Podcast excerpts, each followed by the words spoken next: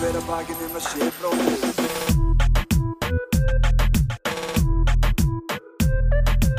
Fyrir hver að bakinn um að sé bróðir eigi.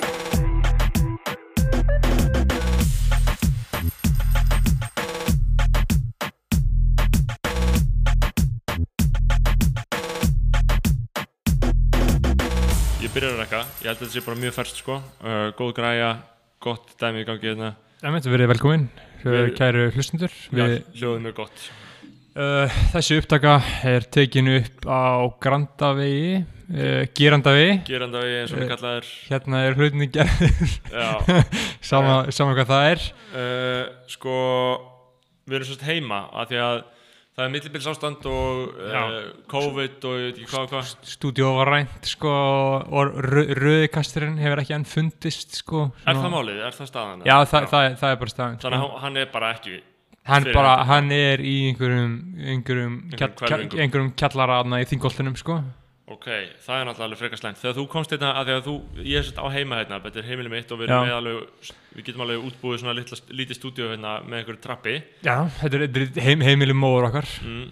Þannig að þá var ég að þá var ég niður sokkin í uh, efni á netinu þú sást að ég var að borða og horfa. Já, já, borða og horfa það er lífstillin sko. Já, já. um, Það er svo fokkin gott að það er aldrei verið sagt sko svona, til að spórna gegn einmannaleika Já. Það er maður aldrei að borða einn skilur, nei, það er alltaf verið hannig ég vil helst borða einn og horfa Já, það er svo góða content tími maður fæði svo fullkóin uh, frið.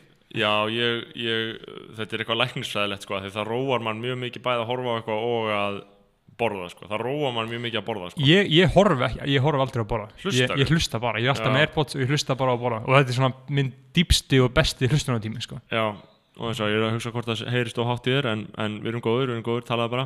Þú Já. þarft ekki að tala mjög hátt, segjum það. Getum- Ég þarf ekki að tala hátt, ég, ég er ekki með heyrnindól Uh, nei, þú getur bara að tala svona, svona en ég var náttúrulega að, að fylgja þér í gegnum hljóðu þegar þú veist ekki hvernig þú hljómar.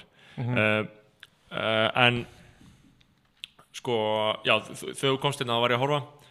Ég var að horfa á blaðamannfund Já. með heilbreyðsáður Þískalands, Jens Spahn og hann var að flytja frekar góða fréttir.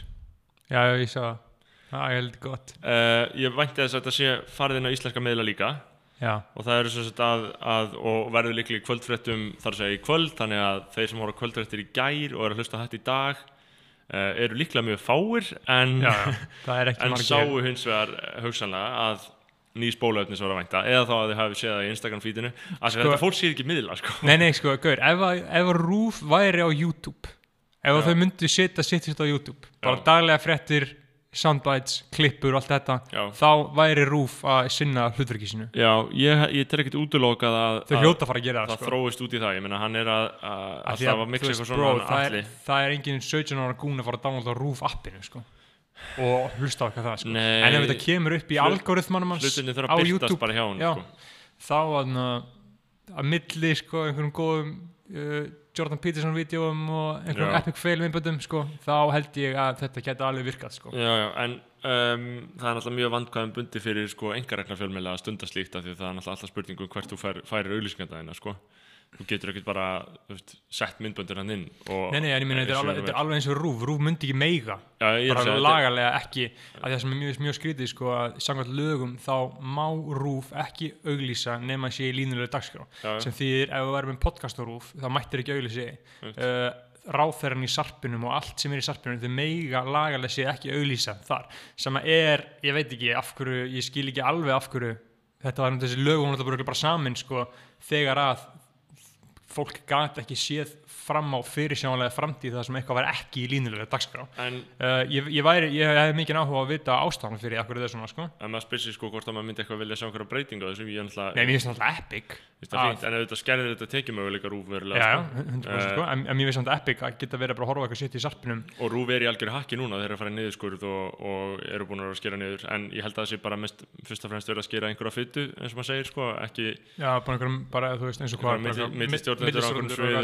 veist já, eitthvað þannig sko og þeir segjast alltaf verja frétta þjónustuna og, og, og dagskrafgerð sko.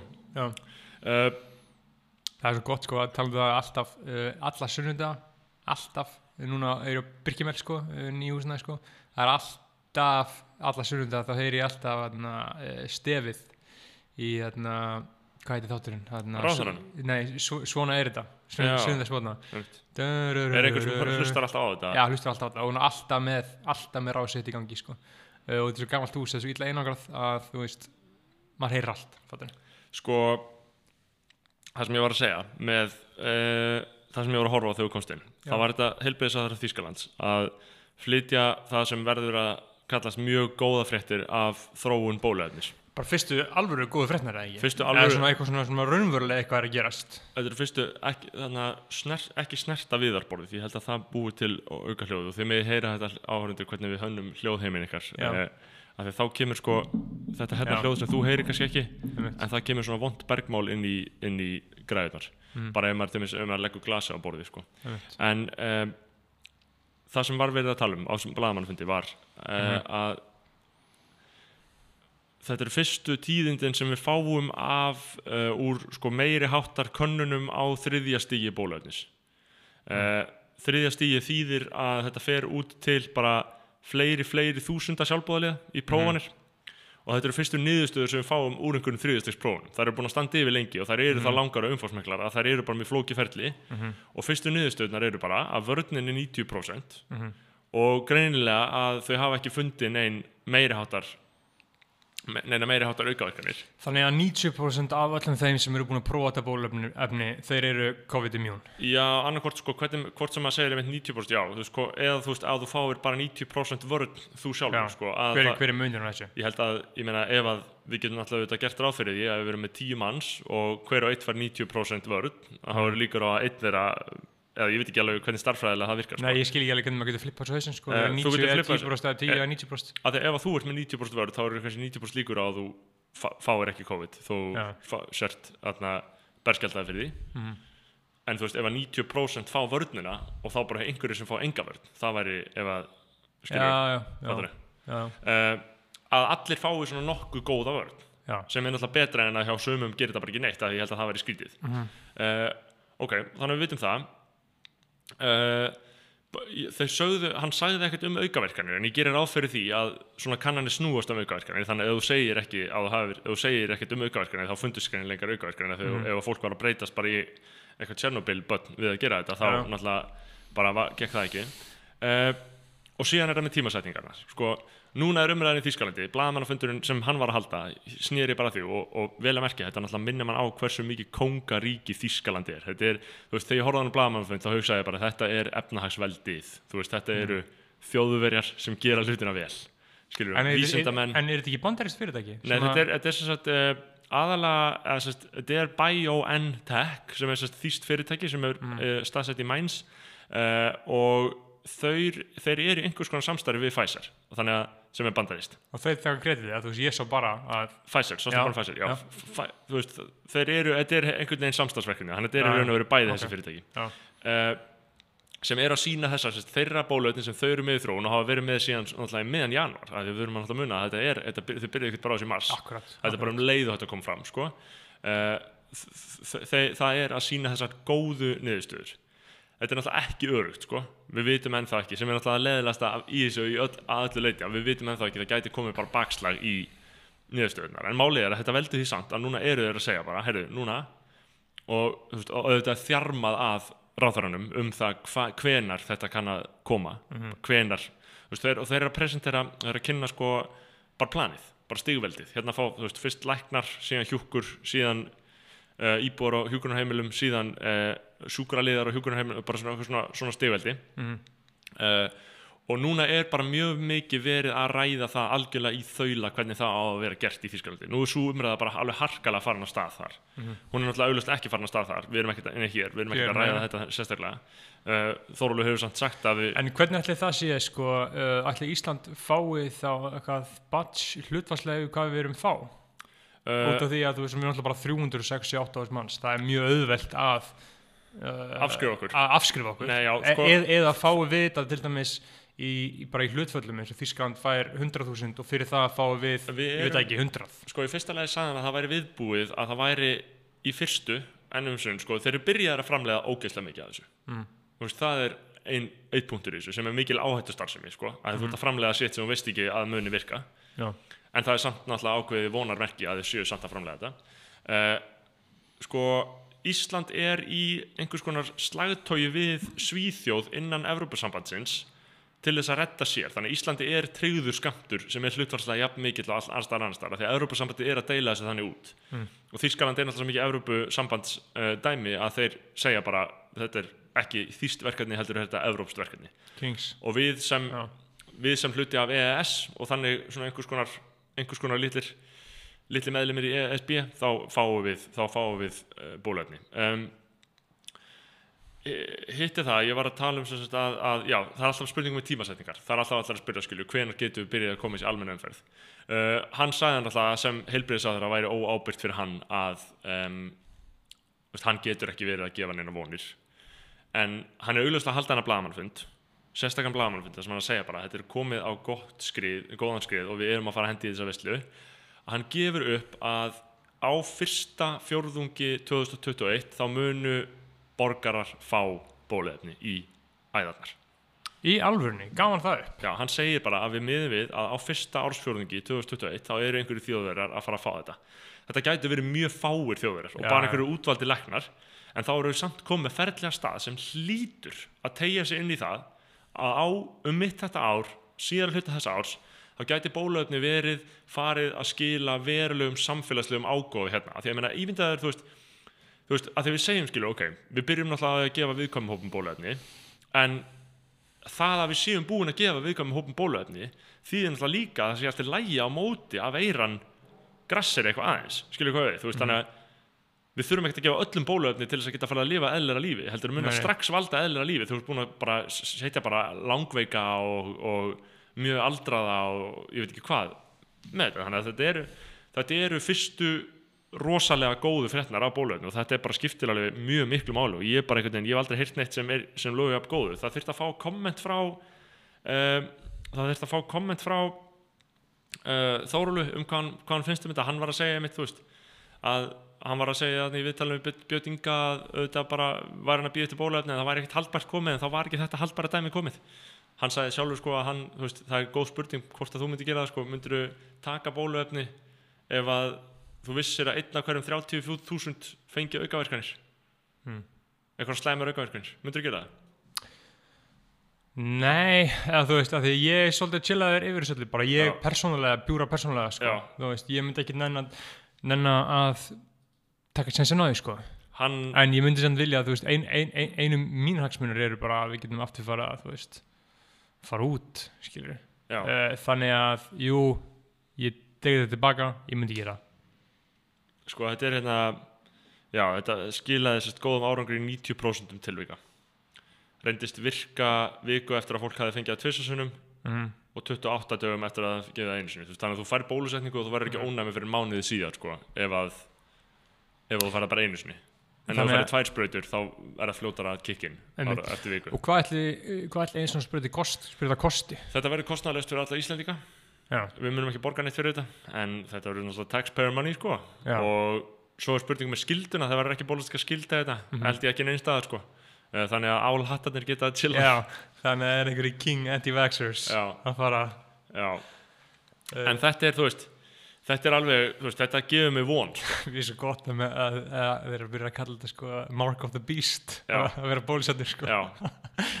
sko samsæðiskenningarnar eru að, í hámarki sko. Já, það er svo fucking rosalegt hvernig heimurinn er byggður upp hvernig, ég var að- hvernig það er hægt Já, að já. gerast á svona samsæðiskenningar já, já. ég, og eða, þú veist, mér finnst það mjög basic sko, Ég meina, trúi þessu ég, samsæriskenningum, ég, ég trúi rosalega, ég trúi mjög mikið að samsæðiskenningum sko, þú veist, Já. ég er búin að vera sko, rosalega mikið þarna, uh, ég mæli með þetta er ekki beint samsæðiskenningar, heldur er þetta bara þú veist, hugmyndir sem fara algjör á skjönu allt sem hann er nokt mann haldi, þetta er Já. bara eins og uh, við skal mynda þarna hypernormalization er nei, einhver BBC heimildamind sem Mm. er búið að fara í sko, sko, uh, hvernig heimurinn okkar er byggður á einhverjum bullshit hugmyndum sem er bara uh, corporate elite og uh, pólitíkur sem þeir stjórna byggur til fyrir okkur sko.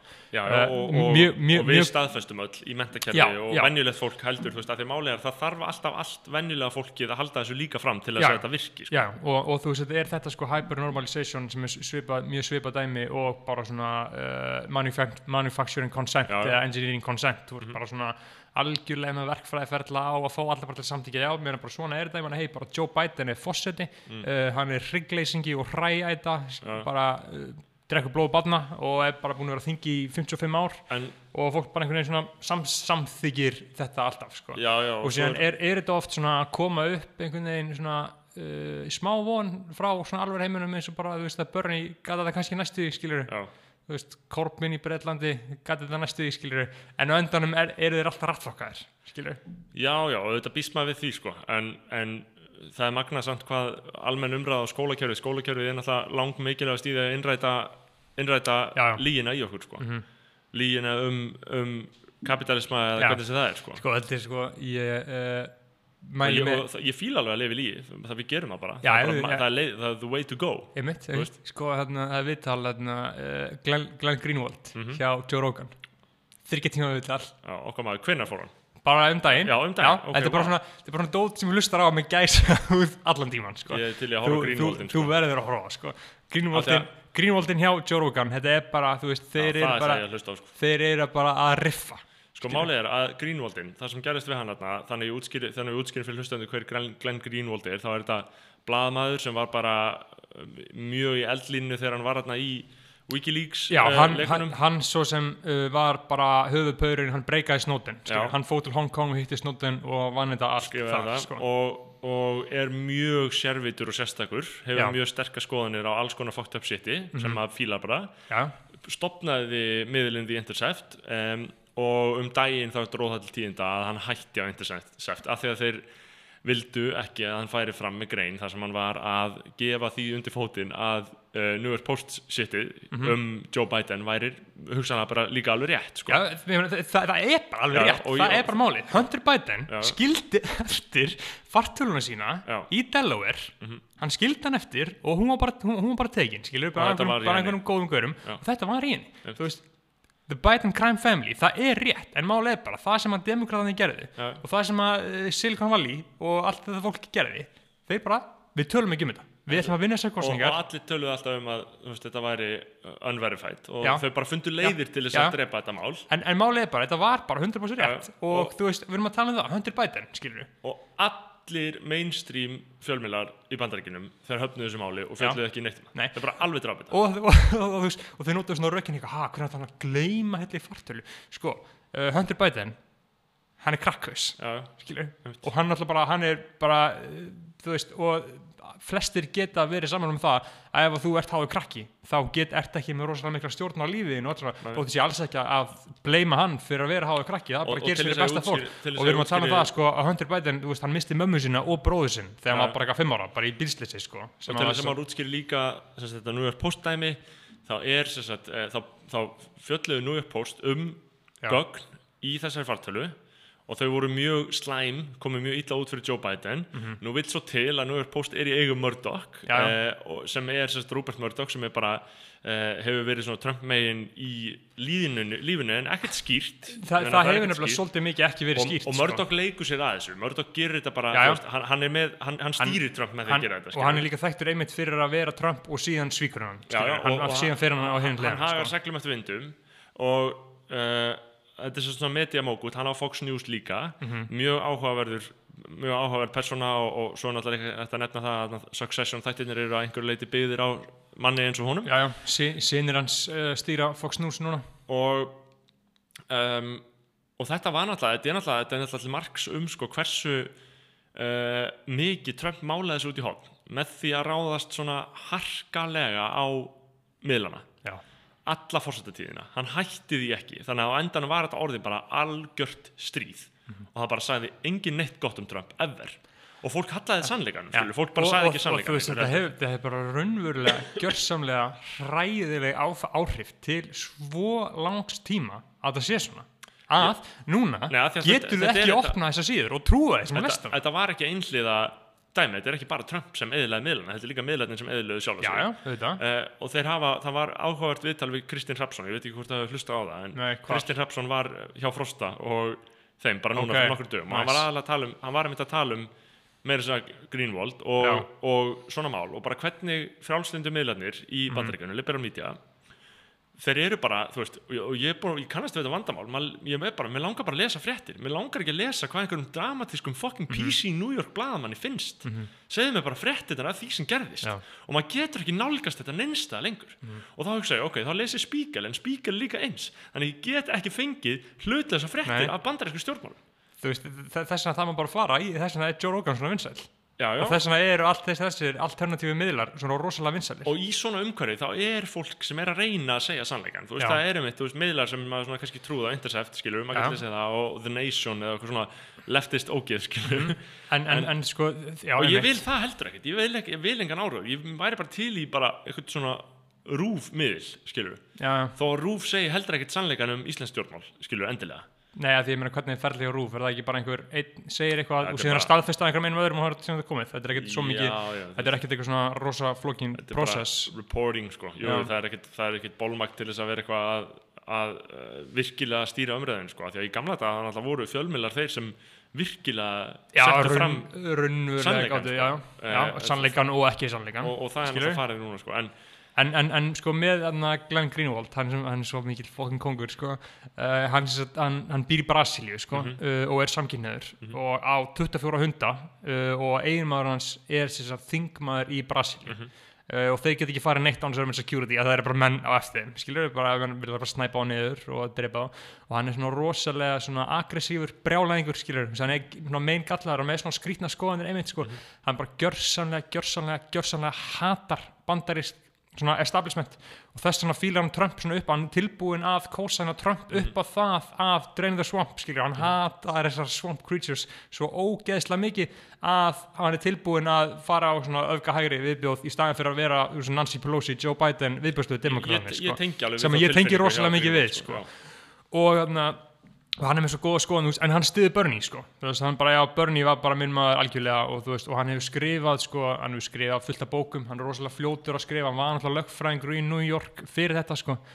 um, og þarna og hann er brjálæðingur líka náttúrulega sem er alltaf að rífast Twitter uh, algjörlega geðbilaður og allt svona og þess vegna eru nú aldrei almennilega svona nógu tekið alvarlega en hann er hjá Joe Rogan þá eru þeir að tala um svo mikið good shit sko. ég er mikið áhuga að hlusta á þetta sko, Eh, þú verður að þetta er þryggja tíma villa sem ég horfði á sko. sko En Já, og það sem að Glenn, Glenn, ef við svo að tala um að það sem að Glenn Greenwald gerði var að hann hætti hjá Intercept sem var miðl sem hann stopnaði en sem var samt miðl sem var bakkaður af görðin sem hann stopnaði eBay þannig að það var alltaf svona, þú veist ég veit ekki alveg hversu mikið Nei, eh, hversu góðan fjölmiðl er hægt að reyka á þeim forsendum sko. eða bara í lífin almennt sko en, Já, einmitt en um, og hann hætti út af því að hann mátti ekki fjalla um uh, Hunter Bidens laptop hann mátti ekki, mátti ekki gefa þessu gildi mátti ekki Nei. raun og veru gefa þessu trúverðuleika því Já. þau bara sögðu þetta að vera feik Já, og þar gerðu náttúrulega demokrata nákvæmlega sama og Trump hefur gert allan tíman sem er þetta Já. fake news að segja bara Yep. þetta er fake fake news og þeir gerðu það bara við þetta, við þetta report frá Biden, Já. um Biden og þetta er náttúrulega hræðilegt fyrir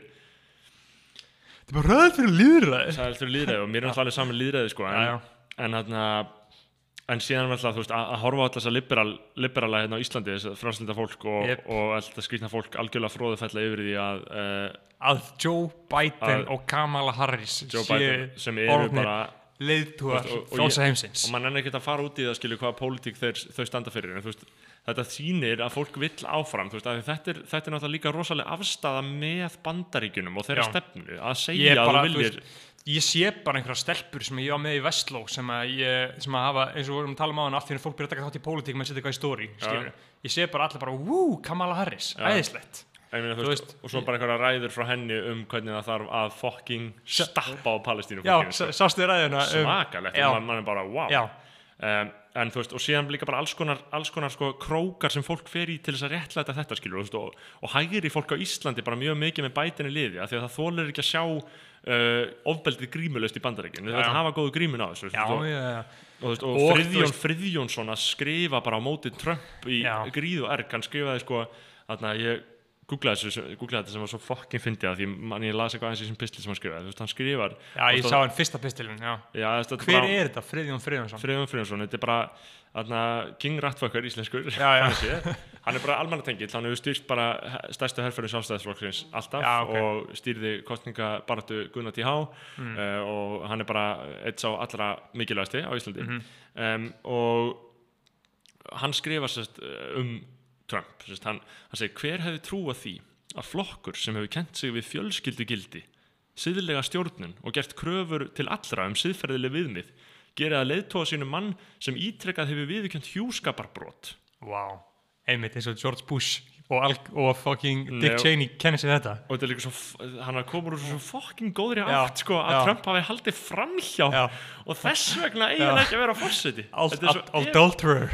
þetta er svo episk nálgun sko. þá hann segir þetta fullt af öðru sitti sem ég get alveg verið sammála sko, en það er bara svo fokkin fyndið að dra draga þetta til bara tína eitthvað til Já. en þú veist, en sýnir líka bara já, já, þú veist, þetta er en eins og ég segi, ég, ég reyndi að tala ekki ég ætla að reyna að tala sem minnst um Trump sko. uh, Já, já, þú veist, en, En- en, en, er bara, mér finnst, sko, mér finnst í góðu lagi, sko, að fagna því að Trump sé enga lengur fórsett, sko, algjörlega, og að ég fann, bara, ég fann létti eftir já, það sko. mér finnst það í rauninni frábært að hann sé ekki lengur uh, valdamesti maður í heiminum, af því að hann er raunverulegu fasisti sem að svífs engis og, og málið er, sko, einu sem hann hugsa um aðal sem er svona, mest skeri við hann, sko, eitthvað, bara hvað hann er nars, mikill nar- narcissisti, sko, þú veist, hann er bara pjúr hugsa Hann er bara að hugsa um til, að stækka Já. Sko, hann er er, hann er ekki svona pjúra fasisti, en hann er ekkert mikið skárið, sko, Nei, nei. Bara, Uh, alls, alls ekki, sko. Um, sko já, algjörlega. Uh, ég, á, ég var á þessari ég náttúrulega horfði á þessari kostningavöku ég held að það sé ennþá innan þess ramma sem við erum í núna sérst, frá því að síðasta þáttur var tekinu upp sem Já. var þetta á þriðudeginum vaktir eftir þessu. Já, ég vart alveg til sex eða eitthvað sko. Uh, kom heim svona hálfsjö eða eitthvað.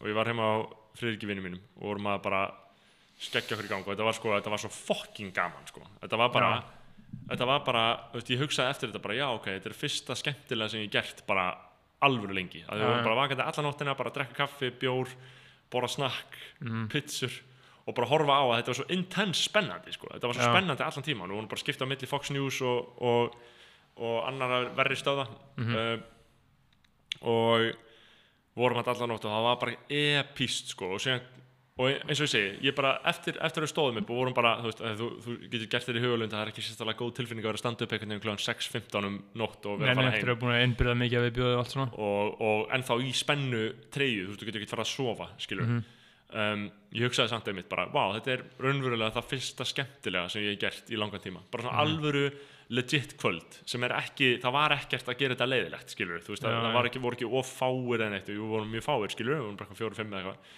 En, en síðan fór ég að sofa eftir þetta og ég kom mér upp í rúm og ég kom hérna kláðan bara einmitt, eitthvað gangu sjö og og laðist upp í rúm og mér leið smá eins og ég væri að koma að djamminu skilur og þetta væri bara, það væri bara að væri að koma morgun og það væri, væri næstu bara að fara að byrta svona að fara að rofa til á heimninum og, uh, og ég fekk þetta við, þessa viðbjóðslegu tilfinningu þegar maður er að fara að sofa eftir slíkt jam þeir sem hafa tekið mikið eitilum það getur enn betur en ég, ég drekna þetta bara áfengi sko. en uh, það hlýtur að vera, veist, ég hef oft hugsað um það og vorkend innilega kókain mönnum þegar þeir eru að fara að sofa eftir bendarana sko. af því get ekki, þeir, geta alltaf ekki fara að sofa það er svona að halda menn sér vakandi þetta Já. er momentið er svo hræðilegt sko.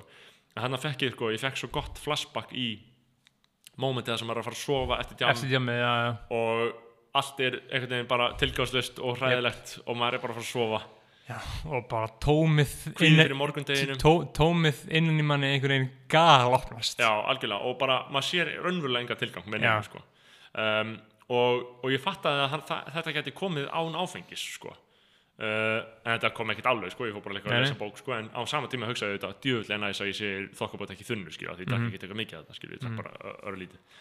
En já, fyrsta skemmtilega sem ég gert lengi og síðan alltaf vaknaði maður og þá voru nýðustöðunar alveg búin að snúast við, búin að snúast við, þannig að þegar, þegar Biden var allt í hennu komið Miss, Michigan og, og Wisconsin hann um morgunin, uh, að því að uh, náttúrulega á tímabúndi þá hafði þetta verið hjá okkur þannig að Trump var komin í sko 1,3 stuðul Trump var að rústa þessu á tímabili bara gjörsanlega sagði peningurinn, hann var náttúrulega aldrei að rústa þessu en peningurinn færðist algjörlega yfir á hann í, í, í skilur, Mhm. Já, já. og, og þú gast veðjað á Joe Biden um nóttina á fjórum skilur, Ok. það hefði getað fjórfaldar peningin sko. uh, eins og Gaurar sem ég tók viðtalið í gerðu, Viðar Þór Sigursson gerði Já, já, um, hann, fór á, hann fór á Biden þegar hann var í 2,7 og 3,2 sko, og Mhm. sett alveg einhvern 100 skall á hann eitthvað, sko, grætti alveg góðan 200 skall sko. einmitt Playing, good, fighting the good fight sko, en, Mhm. en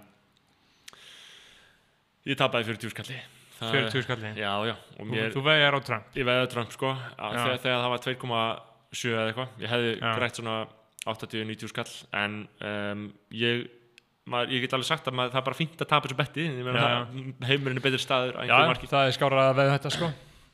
Um, en ég hefði 100% átt að jafna mig út og setja 100.000 á Biden þegar hann var í fjarkanum. Já, og þá hefði ég og veru, þú veist ef maður nær því þá ertu alltaf búin að jafna út bettið sko. já, um, en að öðru leiti hvað, na, hvað er að frétta? Já, Ég- maður, ég bara, þú veist, ég er svona fyrstu svona jákvæða fréttinar að koma núna, sko uh, ég man, sko, í síð, ég tókum síðast þátt, sko, þá var maður komin af, sko, að að koma upp úr djúpu þunglindistímabili, sko, uh, en núna er þetta allt svona svolítið mikið að skána hjá manni, sko, Mm. þú veist, við vorum að tala um, sko, að á þarna uh, svona í síðustu viku þá var maður það þunglindur um að var að setjast niður í styrtunni, sko, Já, einmitt bara leiða vatninu Það að, ógeðslegt, sko. leiða vatninu að þess að dinja á þér, sko En finnst þér það ekkert vera of hátt þá og fá of mikið fallþunga þegar það kemur á hausuna þér? það er bara mjög gott og þú verður bara að setja nógu heitt af því að máli er, þetta fallið þessu hátt þá verður það orðið smá kallt þegar það komið niður sko. Já, uh, þannig að maður bara setja nógu heitt og maður og hugsa sinn gang sko. Sko það er, það er mikið lífsgæði að vera hlýtt þegar maður er í sturtu uh, og þegar Já. maður kemur út úr sturtunni Þú veist, af því ég er alltaf kvíðin þegar ég fer út úr sturtunni að það sé smá kallt, en skilur það, það er mjög gott, sko. ég var að gera það á dímabili þegar ég var Wim Hofum í gang sko, enda alltaf á ískald, ísköldu sko. Það eru mikið af brunnteilum sem gera það, Já, sko og það bara- er svona no-fap hreyfingin er mjög sterkið þessi já, já, cold shower, sko einmitt, einmitt. Ég, ég er meðlimur þeirra Já, sko. já. ég, ég tekja vegna nofap í dag sko. Já, já, einmitt, við tölum ekki um hlaðarspursa, þannig að að að, Já. Já. er að En uh, Já, og fara í kalda sturtu í lokin Það Já. er mjög gott, sko, ég skil ekki alveg nófabarna sem að eru, sko, að na, sem að höndla þetta þannig að ég gerir þetta á hverjum degi alltaf bara kvöld sturta. Já, ég veit ekki hvort að einhver gerir það, sko en, fullt af gaurum, sko, náttúrulega sko, gaur, sko ég er náttúrulega búin að vera að gera rosalega mikið í þarna Wim Hof öndurina, sko. Mhm. uh, og það er náttúrulega bara það episkasta sem ég veit um. Ég hvet alla til þess að googla bara eitthvað Wim Hof guided uh, guided eitthvað, uh, guided breathing technique, sko, tímið og myndband sem er bara fucking episk, sko, þú næst ég bara hallucinator, sko, Mhm. þú veist, bara raunverulega finnur fyrir líkamaninu og Wim Hof er náttúrulega bara, þú veist, uh, snillíkur alveg sko, hann bara síndi fólki að það er veistla að fara í kulda, skil, og ég held að flestir hafi einhvern veginn fengið einhver benefit í lífsitt á því að fara í kulda á á einhverju tímbúndi, sko sko. náttúrulega ákveðið, ákveðið moment þegar Wim Hof var á Íslandi Já, já, og þeir ætla að fá hann í viðtal en enda að taka síma viðtal við hann á 101 hvernig gerist Móli það? og Bjartur ætla að taka hann í viðtal og það var bara veistlega að fá hann en hann kom ekki til þeirra á einhverjum ástöðu þannig að þetta var bara síma viðtal Já, sem var alltaf fucking underwhelming Já, að taka já. síma viðtal við eitthvað frægan sem er á. Íslandi Hann bara, yes, yes, the cold is very beneficial, it's very good for you. Já, En, en sko, það sem er góð um Hof, hann er svo fucking paldið, bara hann gauð sem bara hefur algjörlega, hann er bara búin að breyta vísindaheiminum, sko, Mm. þú veist að allir vísindamenn trúa á það sem að gera núna, en það sem hann þurfti að gera til þess að sanna það, sko, hann sagði bara, heyrðu, ég var bara, ég raunverulega trúi það mikið á þetta að ég eitti 30 árum að lífið minni, ég var ekki alltaf klikkaður, mm. Já. þú veist, hann var bara ruggldallur og hann sagði bara, ég bara trú alltaf á þetta, bara 30 ára lífið sinum var hann kallað klikkaður og til þess að sanna þetta fyrir fólki þá þurfti hann að fara að ganga upp á Everest byrja ofan, þá þurfti hann að vera að slá fullt af heimsmöndum skilur, og eitthvað shit sem hann nefndi ekkert að gera sem hann bara, þú veist sem var bara allt hluta af markaðssetningarnas til þess að geta fengið fólk til þess að trúa á honum og til þess að vekja aðtikla á sér til þess að the Wim Hof method raunverulega virki Þetta er aðteklisvært og maður veit náttúrulega ennþá ekkert hvort að, þú veist, jú, jú, auðvitað getur maður bara sagt og fullirt að þetta virki. Skilur, Já, já, og þú getur líka að skoða einhverja vísindar Já, ef, ef, ef og- þeir langar til og- þess Og mér sko. er alveg saman, ég er ekkert að disputera en svona maður hugsa skilur, ok, jú, auðvitað bara virkar þetta ef þetta lætur einhverjum líða betur. Veist, þá er það, það hlýtur að vera eina markmiðið með þessu, skilur. En það er bara aðteklisvært í svona sögulegu samhengi að horfa á þetta, skilur, því ég man að ég hef verið að skrifa uh, bachelor-ritgerna mína um Konrad Gíslason, Mm. málfræðing sem ferðaðist til Þýskalands til þess að fara í svona köld böð Mhm. af því að hann var með augnaveiki og þetta var svona eitthvað, þetta var bara algjörð hóks allt, skilur og bara hann læknaðist ekki neitt og það bara læknaðist Mhm. enginn annað þetta var, þetta var stór svikamilla í Evrópu á 19. öld, það voru svona baðstaðir þar sem að Mhm. fólk kom í böð og var eitthvað svona að fara í eitthvað sex sitjandi böð, sex standandi böð og átt að læknast sko. Veist, og það var einhver þýsku gaur sem heit Prísnitz sem, sem hafði veg og vanda og var bara legendir út um allt bara fyrir að geta lækna fólk með einhverju köldum vatni Mhm. og þetta minnir mér bara svo mikið á það sko. uh, Prísnitz með þess að ef einhverjur pólver er að hlusta uh, þá er Prísnitz sem ég held að sé orðið fyrir sturtu á pólsku sko, mm. hann var það legendary sko, já, hann fekk það bara. Já, ég held að, ég held að orðið á, á pólsku sem prísnits en ég meina, já, þetta fer svolítið mikið alltaf bara eftir því, sko, hvort svo þetta gera eitthvað að græða pening, sko. Já, Þetta var svikamilla. Já, ef Wim Hof myndi bara bjóða upp á það, herru, kottu til mín síðan í Amsterdam uh, í búðum mínar og borgaði 100 dollara Hann og þá farði að gera þetta. hann er En augljóslega að deila þessu með hann, heiminum. hann auglustlega bara að dreifa bóðskap, sko. Þú veist, bara eitthvað trúbóð,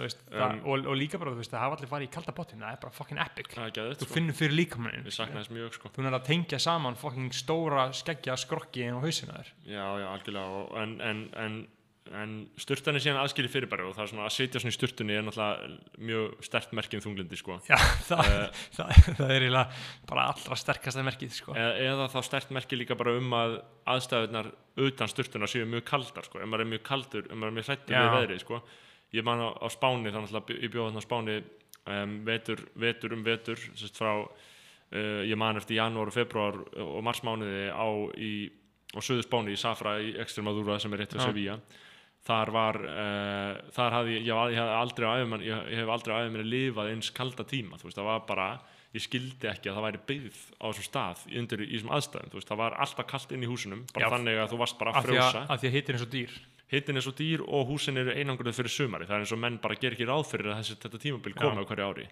og að fara í styrta á morgnana klukkan 6 eða 7, það var bara í alvörunni eins og að fara bara inn í, ég veit ekki bara, ég veit ekki líst raununum Já. sem fólust í þessu af því að þú getur ímyndað bara að það er bara alveg ískalt bara Mm. alveg ískalt og þú ert með sitt í styrtu sem er bara með einhver svona kommunísku reynslu. litlum, já, bara eitthvað bara vera að pissa þig og þetta er bara sovjist og, og að fara þarna út út úr sturtuna á morgnana sko, maður gæti ekki farið fram á rúmunum heldur af því það var svo hlýtt í rúmunu og kallt fyrir utan og, og þetta er náttúrulega fólk á Íslandi held ég áttar sér ekki á því hvað við höfum það gott hérna með hitununa sko, hvað þetta er magnað hvað við höfum endalist, við erum bara til þess að stilla loftgæðin í okkur, þá törnum við opnana upp og opnum síðan gluggan, skilur Mhm. að geti gert þetta er náttúrulega magnað sko.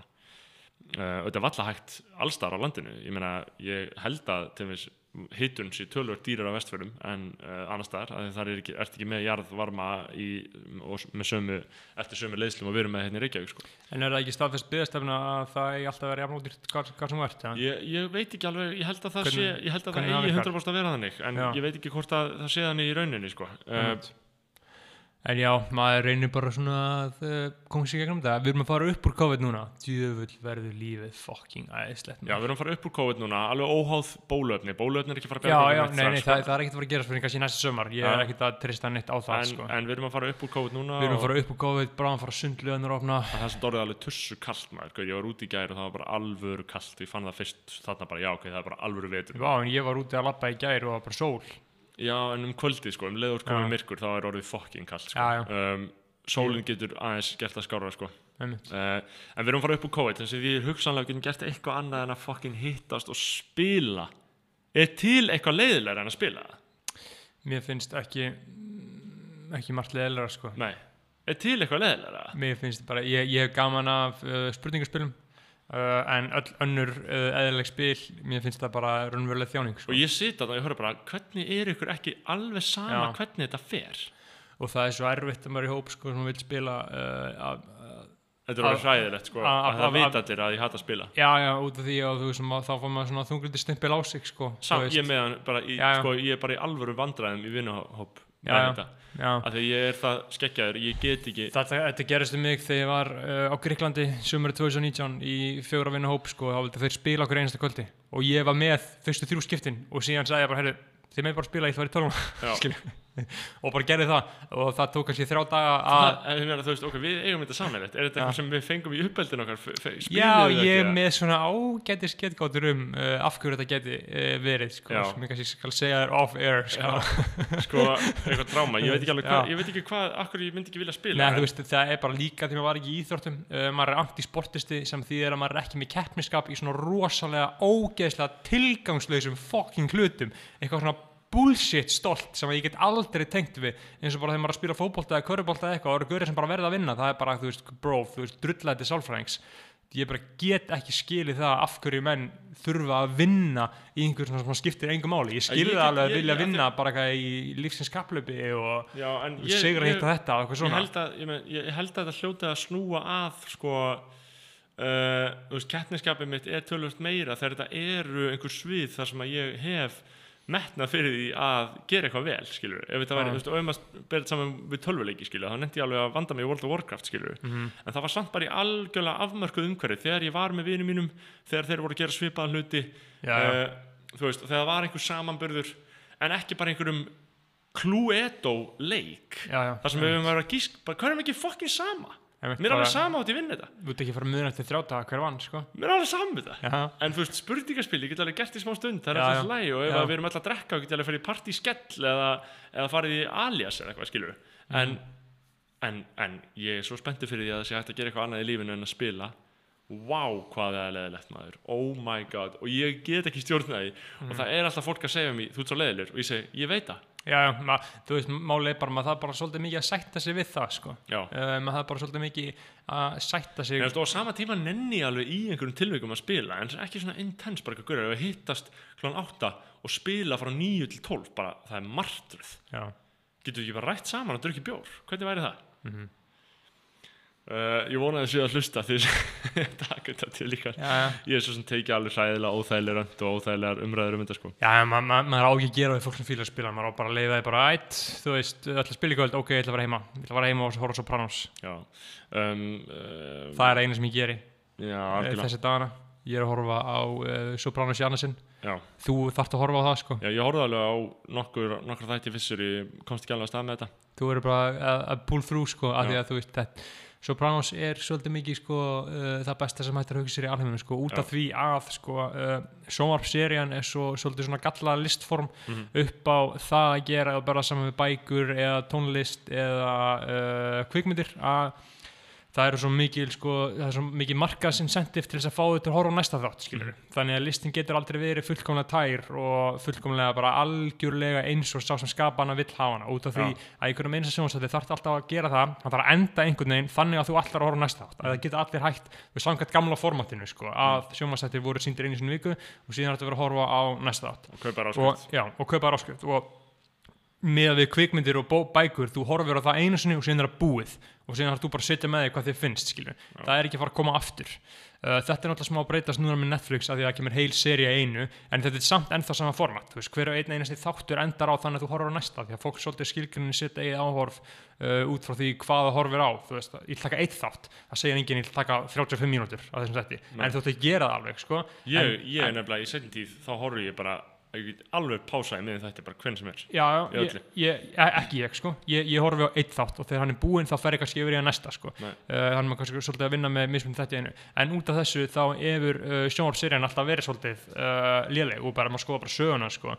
Bara fyrir Sopranos þá var sjónvarp bara talið vera rusl skilur, það var bara þú veist Já, bara það, það, var, það var bara elitismin skilur, TV er bara uh, þið allt heimska, heimski almúin fær ruslið sitt þar uh, og síðan uh, fáum við gáða fólki, við förum í leikhús og við lesum bækur og við förum í uh, bíó, bíóhús sko. þarna voru bíómyndir ekki meiri sem orðnar svona ógæslega eins og það er í dag sko.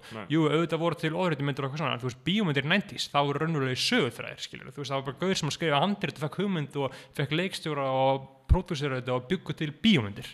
Það var ekki Marvel sem að bjó til eitthvað algoritmli curated uh, plott inn í bíómyndinu sinni og blanda öllum söguheitjunum saman bara eitthvað fucking rugl og rusl og skilur, sem er auðvitað kannski alveg fínt að þetta sé til þannig en þú veist, mér finnst það bara leið þetta að dregur út alvöru bíómyndum, alvöru hugmyndum og alvöru söguþráðum sko. en það sem að gera sko með með sjónvarpi, núna eins og akkur það er sko, æðsta, uh, æðsta listformi í dag eða svona vinsalasta er út af því að þetta er svolítið búið að breytast sko. sérstaklega núna, þróun var bara hann fyrst kom Twin Peaks og það var rosalega Uh, það var rosalega vinsalt að því það var bara rosalega gott. Bara David Lynch skrifaði það og allt svona en síðan kom ekkert annað almennilega sem er svona elst, tímans tönsk og fyrir að Sopranos kom ára 99 og þegar Sopranos kom ára 99 þá var þetta bara raunverulega frumleg hugmynd. Bara mafjósi sem fyrir sálfræðings og þátturinn er hann að leysa sín einu vandamál í vinnunni og í fjölskyldinu og allt. Þetta var bara frumleg hugmynd skilur já. þú veist, þetta var í dag væri þetta ekki svo frumleg hugmynd. Og síðan er bara sex serjur að rauninni fylgjast með honum uh, svona uh, rúla sér einhvern veginn í gegnum uh, amerískt fjölskyldulíf með því að vera mafjósi og sálfræðingi sko, sem var bara frábært sko. Og og það, það er náttúrulega líka sko, spurningi með, all, með allt þetta nýja röst sem við fáum núna á færibandi skilur. Það ertu með einmitt, þessu, klassíska Netflix-serja sem þeir eru að búa til þeir eru bara alltaf kannski sex þættir eða átta þættir stundum bara svona Mhm. ein serja já, og það eru bara einhverjir einhver, einhver persónu sem tengist ekkert Jep. það eru bara fucking illa skapaðar umlar og bara handritið er bara algoritmi Mhm. og það er engin alvöru veist, þetta er ekki meitt skilur mafjó sem fyrir sálfræðings að þetta er ekki mentaskóli kennari verður dópsali þetta er ekki svona alvöru gott nei. sem bara krakkar alveg og bara hittir, hittir eitthvað punkt skilur Já, og, og þú veist, ég er svolítið með eftir að sko, Sigurðan Sigvart sagði þegar hann var hjá okkur sko, hann sagði þessu góða hlut, sko, þú veist, ég er svolítið búin að vera svona tilhengar sko, hann, uh, veist, hann er ekkert að horfa á þetta. Það er ekki neitandi. Hann, hann bara sér já, ok, þetta, þetta, uh, þetta er í gangi, ok, ég veit þetta, ég ætla að halda fram skilur, mér, Já, já. mér fannst það svo góða punkti hjá hann sko, þú þarft ekki endilega uh, að horfa á einhvers og núna er einhver þáttur sem er Netflix uh, Queen's Gambit. Já, uh, Ská- tapp tap, skák, tap þáttur sem ávist að vera eitthvað góður allir segja það, mér er búin að mæla með þessu öllum áttum. Já, en ég er mjög resistant ég á, svona með mér Jens Já, að sjá rótar ég, ég bara þarf að fá sko, þú veist, ég veit það ekki frá hverjum ég þarf með mér sko, ég þarf bara Glenn Greenwald sem er að horfa á ekki, það er þetta. ekki séns að fá mig til að horfa á þetta sko. Af því að þetta er skák, ég kann ekki manngókin og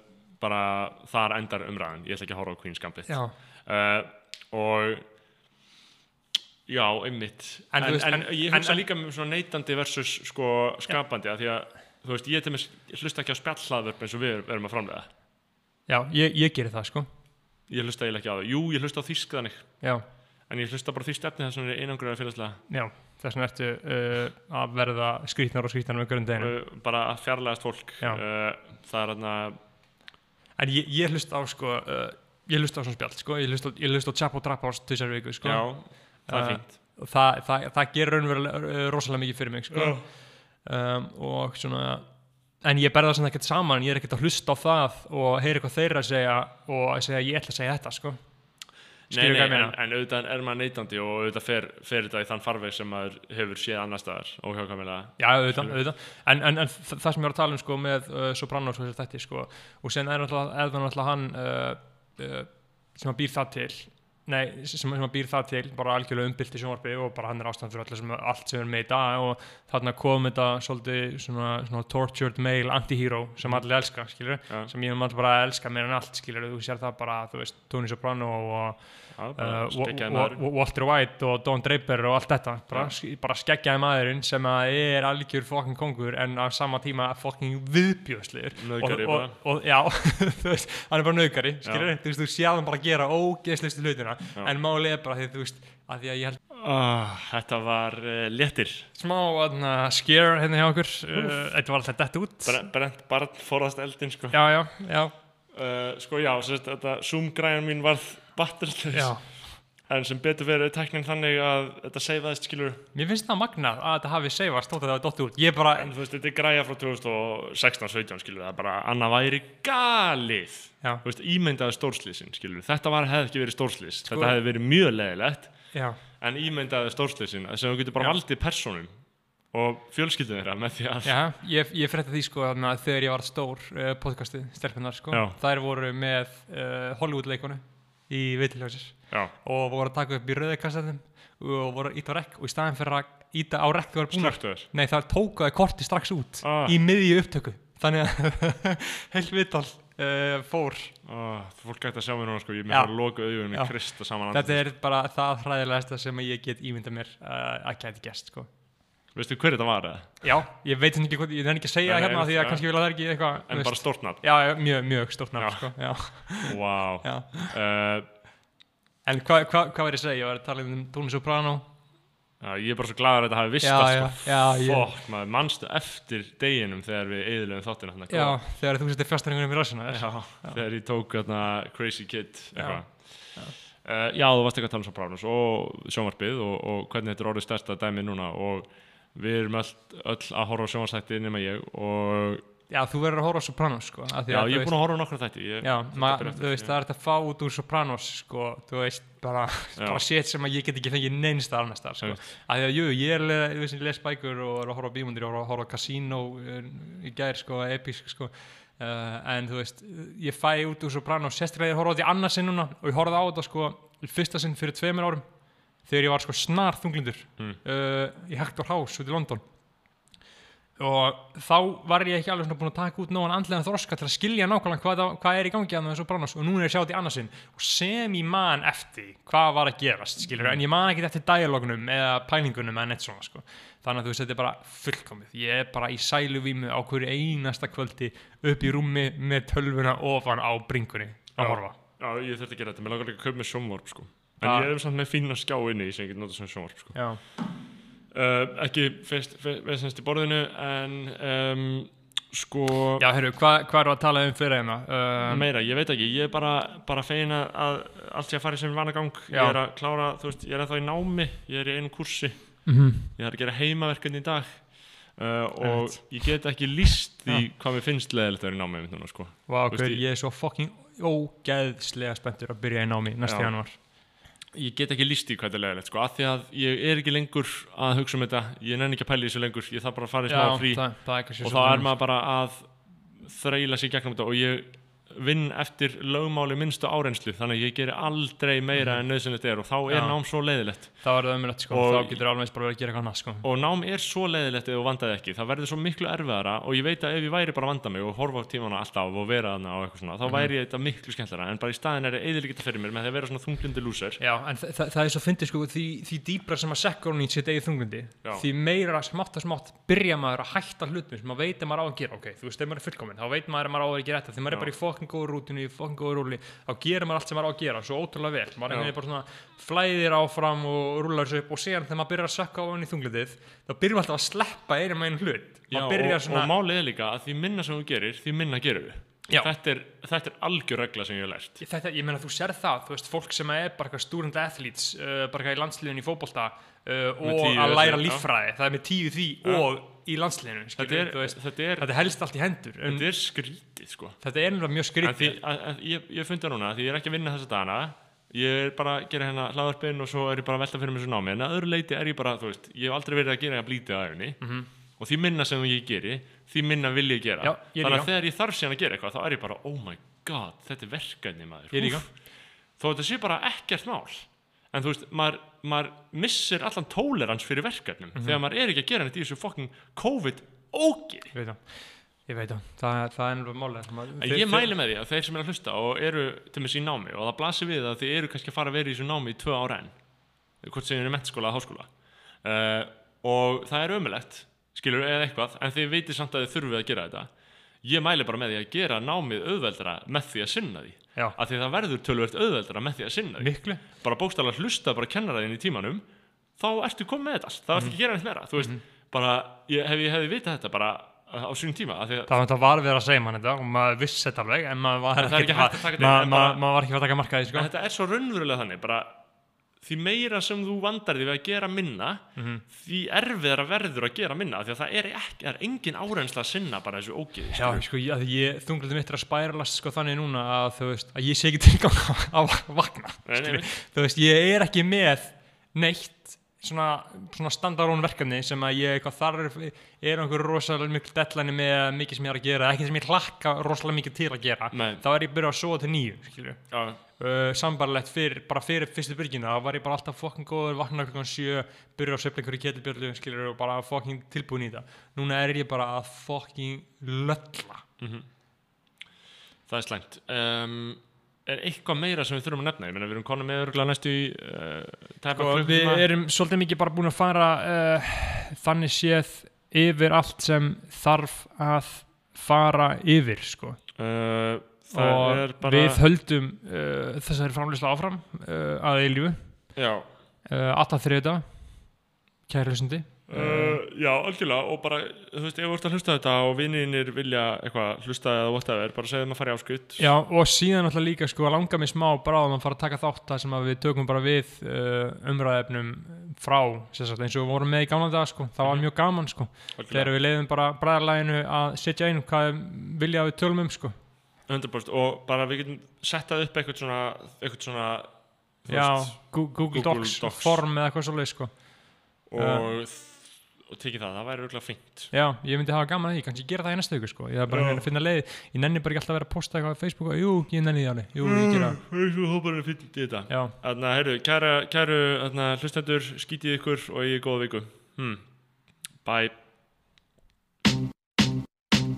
Yeah, I remember then Back in December it was winter like 89 Shit I must have been 7 going on 8 Coming from the kitchen was an echo from all that, baby. And I ain't talking about speakers. Mm-mm. I saw my daddy in there, and I was there, but I wouldn't touch. But it wasn't because I didn't know enough.